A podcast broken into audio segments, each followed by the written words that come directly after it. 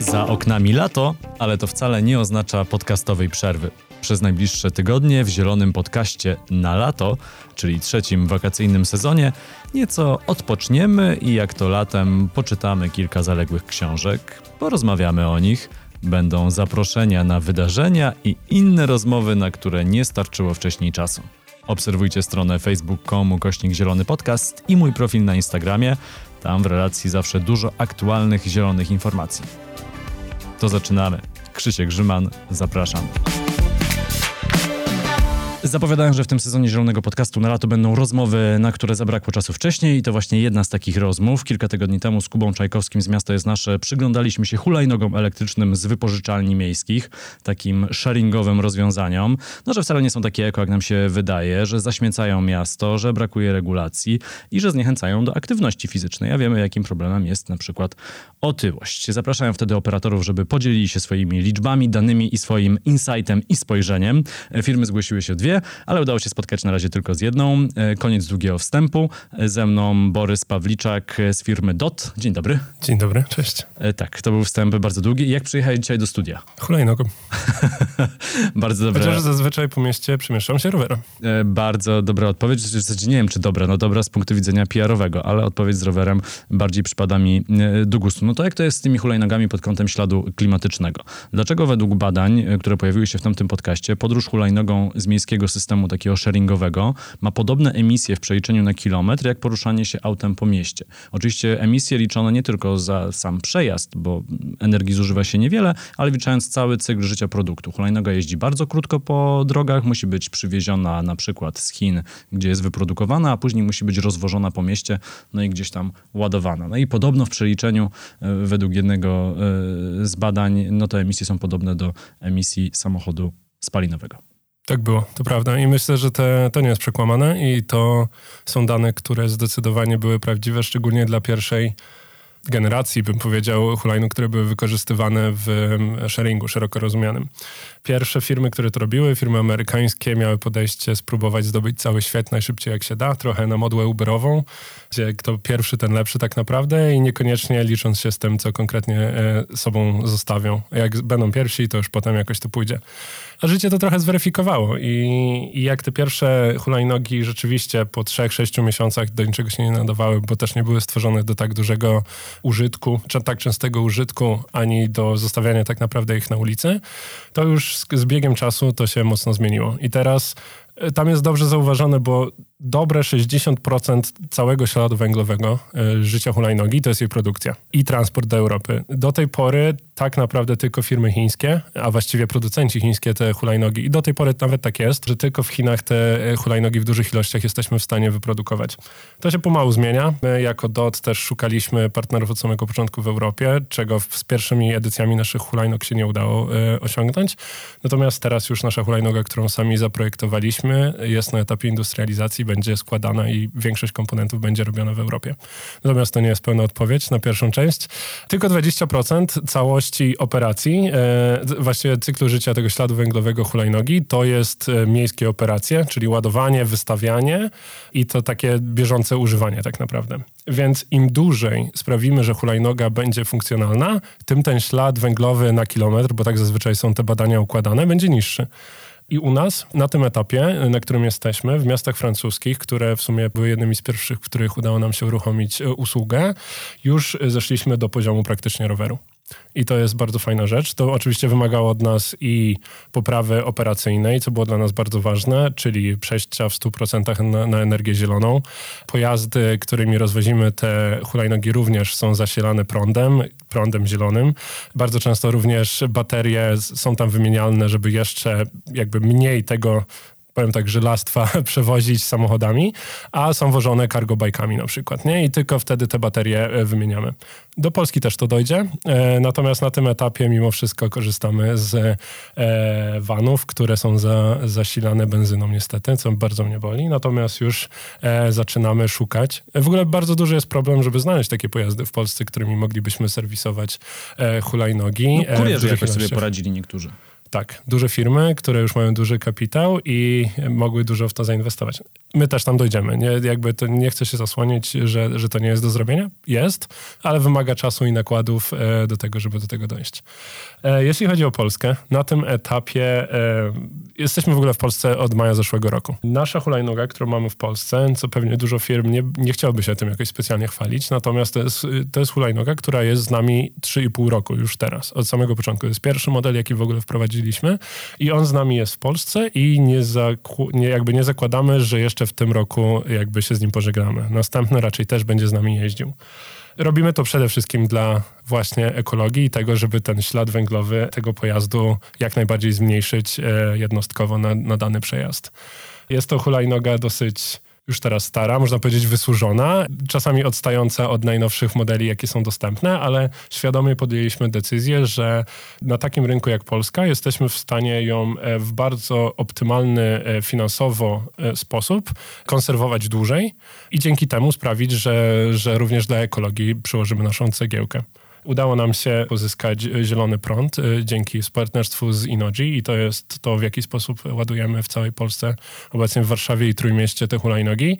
Robimy to sami, nie korzystamy z firm trzecich, y, mamy własne magazyny, i dla bezpieczeństwa, i właśnie też dla jakby pełnej kontroli nad tym procesem własnych kierowców, których zatrudniamy, e, by te hulajnogi później rozwozić. E, no to w zasadzie odpowiedzi na wszystkie pytania, ale to mogę jeszcze dopytać o kilka dosłownie rzeczy. E, może jeszcze dla porządku, bo nie wszyscy słuchacze wiedzą, DOT jest firmą europejską. Tak, to prawda. Założoną przez dwóch Francuzów w Holandii, działającą obecnie w, chyba w pięciu krajach. Francja, Belgia, Włochy, Polska, to sześciu.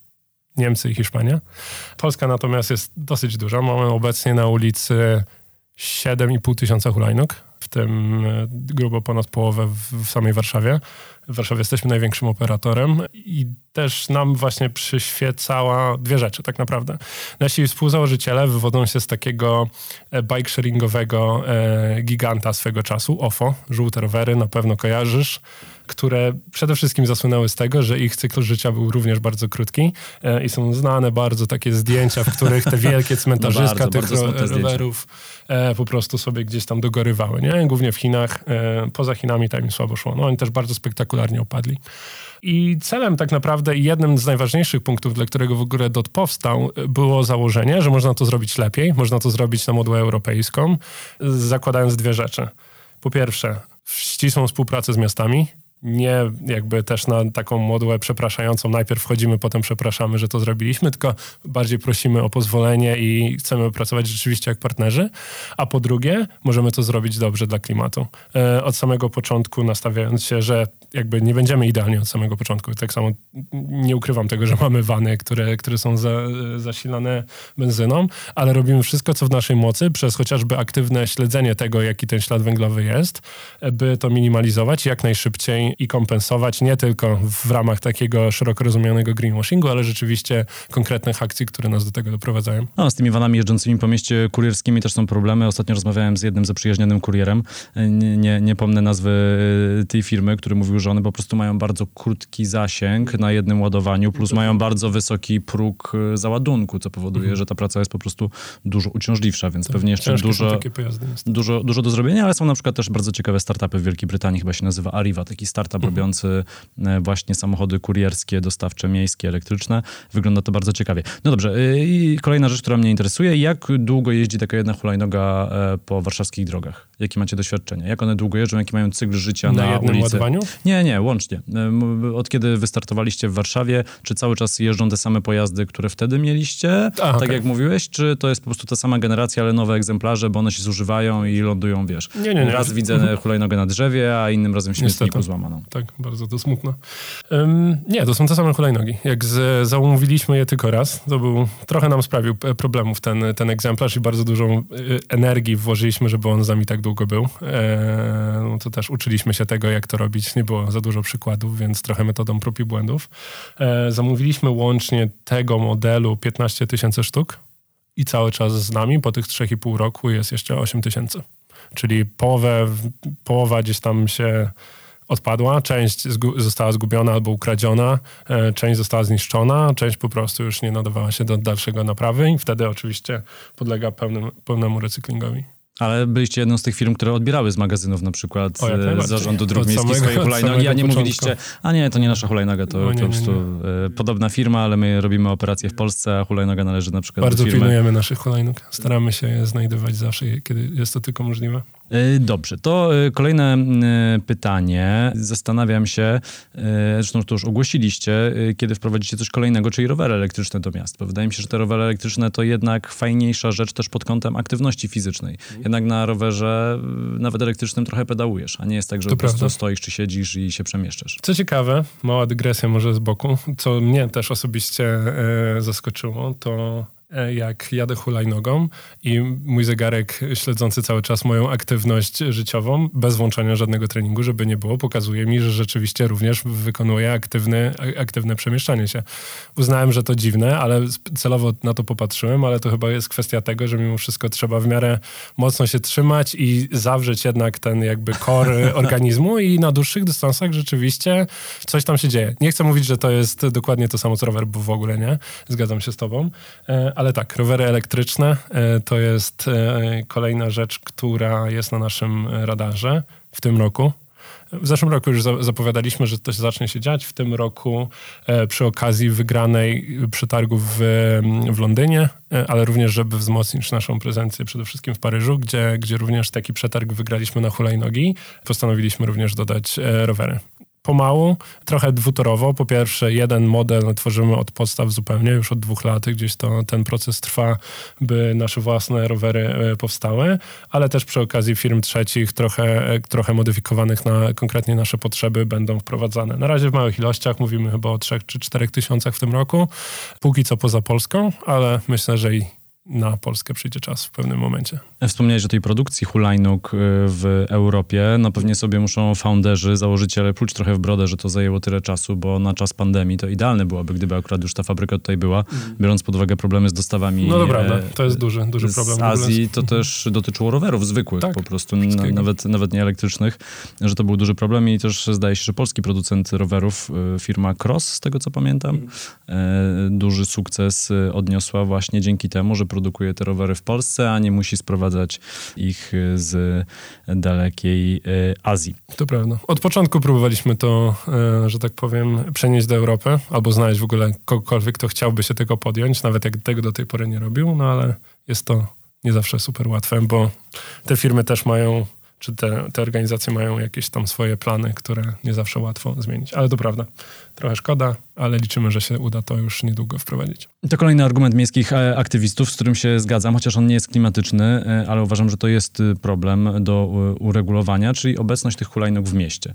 E, dlaczego te hulajnogi muszą być tak wszędzie porozrzucane i czy z miastem nie udałoby się wypracować takiego modelu, że jednak są miejsca, gdzie się te hulajnogi parkuje, czy ono jest wymalowane na chodniku, czy po prostu umawiacie się, że nie wiem, stawiacie je na skrzyżowaniach, a nie, że one stoją wszędzie zawsze, bo to jest problem nie tylko estetyczny, że komuś się to nie podoba, ale to jest na przykład problem dla osób słabowidzących czy niewidomych, y, które idą z laską i później się potykają jakąś tam hulajnogę zostawioną. Czasem ta hulajnoga stoi, czasem stoi w poprzek drogi, czasem leży, bo się przewróciła albo ktoś celowo przewrócił i to jest problem. Nie da się niczego y, z samorządem wypracować, czy to tutaj w Warszawie, czy na przykład w Trójmieście? Myślę, że się da i ciężko do tego dążymy, ciężką pracą. Są przykłady różnych miast w Polsce, które jedne podchodzą e, proaktywnie i podchodzą proaktywnie od dłuższego czasu i tutaj właśnie Trójmiasto jest bardzo fajnym przykładem tego. E, w samym Gdańsku obecnie jest ponad chyba 300 punktów wymalowanych na, na, na chodnikach, gdzie takie hulajnogi można pozostawiać. W Gdyni teraz e, bardzo fajna rzecz się dzieje. Zapowiedzieli, że będą zamieniali miejsca parkingowe dla samochodów, również na takie dla szerszej mobilności, nie tylko dla hulajnóg, również dla rowerów, co uważam za bardzo dobry, za bardzo dobry ruch, by jeszcze bardziej pokazać, że ta mobilność może e, wspomóc e, przemieszczanie się. Problem z hulajnogą przede wszystkim jest taki, że to jest typowy pojazd ostatniej mili i osoba nie chce dojść konkretnie więcej niż 100-150 metrów do miejsca docelowego, więc żeby rzeczywiście to porządnie uporządkować, tych miejsc musi musi być bardzo dużo. I tu widzimy przykład Paryża. Tam wprowadzono je dosłownie co 100 metrów e, i można parkować tylko w takich miejscach i my proaktywnie blokujemy możliwość parkowania w innych miejscach i osiągamy w tym momencie 97% skuteczność w tym. W Polsce jeszcze chwilę to niestety zajmie przez to, że tych miejsc nie ma aż tak dużo i, i w ogóle nie, niedawno, 20 maja weszły przepisy, e, które regulują tą sytuację i wprowadziły parkingi dla hulajnóg jako podstawowe miejsce, w którym te hulajnogi powinny być pozostawiane, ale również jeśli w pobliżu nie ma takiego miejsca, hulajnogę należy odstawić na chodniku równolegle do pasa ruchu po jego zewnętrznej stronie, to znaczy najdalej od ulicy, czyli najczęściej pod budynkiem i to w ogóle jest bardzo dziwne miejsce. Tak z punktu ob obiektywnie patrząc to jest bardzo nietrafione, powiedziałbym wręcz miejsce, gdyż e, przy naszych własnych konsultacjach z osobami niedowidzącymi czy niewidomymi wyszło, że to jest przede wszystkim to miejsce, w którym właśnie te osoby najczęściej podróżują właśnie dla zachowania największego bezpieczeństwa. Stąd też my uczestniczyliśmy w debacie publicznej na ten temat, w konsultacjach, e, zgłaszając te punkty również e, z, ze środowiskami osób niedowidzących. E, no niestety w tej pierwszej ustawie e, e, o ruchu drogowym teraz niestety to się nie pojawiło, ale liczymy, że, że jeszcze te miejsca się zmienią. W Warszawie jeszcze niestety nie ma żadnych punktów, w których wyznaczonych pod parkingi, więc można parkować tylko i wyłącznie na zasadach ogólnych. Natomiast prowadzimy rozmowy z Zarządem Dróg Miejskich przede wszystkim, który tutaj przewodzi w ramach miasta e, tym negocjacjom, może złe słowo, rozmowom. I jak najbardziej myślę, że w niedługim czasie takie porozumienie zostanie zawarte między miastem a na operatorami takie, takie miejsca również zaczną się pojawiać. E, no to czekamy, aż to się wszystko y, wydarzy. No, no smutne, że to tyle zajmuje, jakoś nie da się tego wcześniej wcześniej wypracować, ale swoją drogą te przepisy, które wprowadzono, to chyba jednak w pewnym sensie fikcja. Ja nie widzę, żeby coś się zmieniło od maja, gdy te przepisy weszły w życie e, w poruszaniu się ludzi hulajnogami. Wszyscy jeżdżą tak, jeździli chodnikami, nikt się niczym nie przejmuje. Tak mi się wydaje, że te przepisy sobie, a życie sobie. Z naszych obserwacji, szczególnie wprowadziliśmy, przedtem tego nie mieliśmy, obowiązkowo zdjęcie na zakończonego przejazdu i zaczęliśmy to weryfikować gdyż e, nie wiem, czy czytałeś w Warszawie około 500 pojazdów zostało, że tak powiem, zabranych przez, e, przez Straż Miejską właśnie w ramach zaaresztowanych w ramach, w ramach właśnie wprowadzenia nowych przepisów.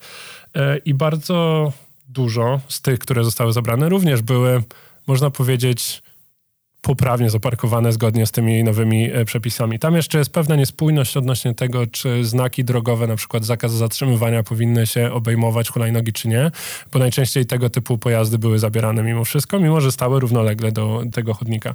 Natomiast jak my oglądamy teraz te zdjęcia i sprawdzamy rzeczywiście, jak te parkingi wychodzą, to 8 na 10 jest parkowane albo zgodnie z tymi zasadami ogólnymi, albo wręcz na stojakach rowerowych, co też było jedną z pierwszych propozycji miasta jako, jako rozszerzenie tych parkingów. Także Także moim zdaniem widać różnicę. Ludzie rzeczywiście zaczynają lepiej parkować. Nie wszyscy, wiadomo, to jest, to jest długi proces edukacyjny.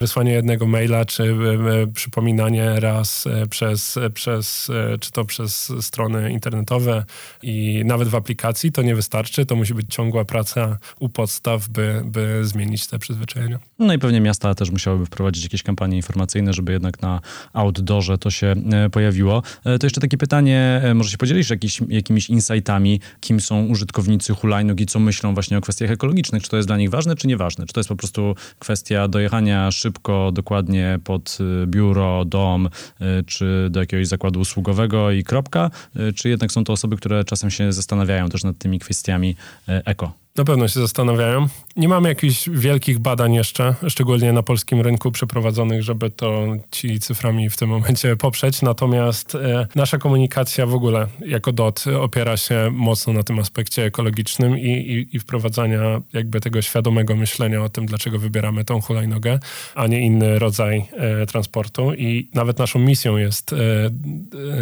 wprowadzenie zielonych przejazdów dla każdego w mieście i takim głównym celem również dla nas jest zmniejszenie ilości przejazdów samochodowych, a wręcz nawet zmniejszenie ilości samochodów w mieście, czy to właśnie najpierw przez hulajnogi.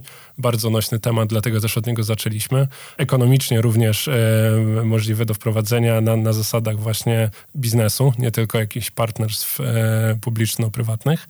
E, natomiast i dalej będziemy to rozszerzać, czy kolejne sposoby przemieszczania się, takie jak chociażby rowery elektryczne. To jeszcze ostatnie pytanie na koniec, bo wspomniałeś parę razy o Francji. Kiedy mhm. Warszawa stanie się drugim Paryżem. W ogóle Paryż no, ma świetną, w ogóle Paryż ma świetną strategię też mer. rozwoju miasta. Tam Prawda. E, mer Paryża, e, która wprowadziła taką e, ideę miasta 15-minutowego, że możesz mhm. wszędzie dotrzeć, że wszystkie usługi masz na miejscu, że nie musisz się przemieszczać non-stop po tym mieście.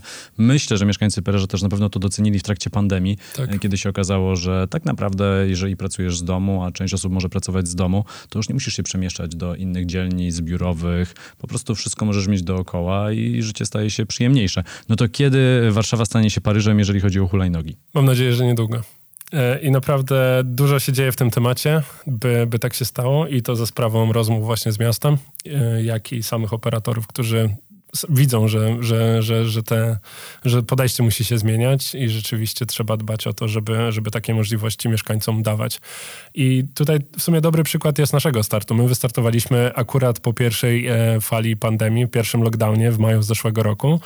I jak zaobserwowaliśmy jeszcze na rynku włoskim przede wszystkim, że ludzie przestają przemieszczać się do centrum, starają się być e, w dzielnicach, że tak powiem, w których mieszkają, więc spędzać więcej czasu. Również w Polsce transport publiczny w takich miejscach bardzo często jest nastawiony na, na dostarczenie pasażerów do centrum właśnie, a nie raczej dojeżdżenie po tej dzielnicy. I my, obserwując to, zaczęliśmy jako pierwsi wystawiać hulajnogi w takich miejscach jak Białołęka, czy Targówek, czy nawet Dalsza Wola, gdzie do tej pory tego nie było. I naprawdę e, popyt e, przekroczył nasze najśmielsze oczekiwania. To były takie momenty, że Białołęka generowała więcej przejazdów niż Śródmieście, mając mniej hulajnóg. I rzeczywiście tak samo teraz, jak startowaliśmy w Trójmieście, podeszliśmy do tego tak samo. Jako pierwsi zaczęliśmy uruchamiać dzielnice, czy to na północy Gdyni, czy właśnie południowa część Gdańska, gdzie do tej pory hulajnóg nie było, i również transport publiczny ma inny cel niż po prostu przemieszczanie się po tej dzielnicy. W Warszawie dobre 70% wszystkich przejazdów kończy się w okolicach przystanków autobusowych bądź przystanków metra, więc rzeczywiście to jest wsparcie tego transportu, a nie, a nie jakieś widzimisię. Wiadomo, że w weekend inaczej wyglądają przejazdy, inaczej w tygodniu, ale już widać również pojawiające się piki poranne, więc ludzie zaczynają jeździć do pracy również hulajnogami. E, Borys Pawliczak e, z platformy DOT był gościem gościem Zielonego Podcastu. No, kijem e, Wisły nie będziemy zawracać. Ludzie chcą jeździć hulajnogami, hulajnogami sharingowymi, e, bo to jest po prostu wygodniejsze niż posiadanie własnej. Nie trzeba jej ze sobą taszczyć. E, no, mam nadzieję, że będzie zieleniej, zieleniej i jeszcze, jeszcze zieleniej. Ja również mam taką nadzieję. Dzięki, Dzięki za rozmowę. To był Zielony Podcast na lato. Kolejny odcinek w niedzielę. W wolnym czasie zajrzyjcie na stronę facebook.com kośnik Zielony Podcast i mój profil na Instagramie. Bądźmy w kontakcie. Krzysiek Grzyman, do usłyszenia.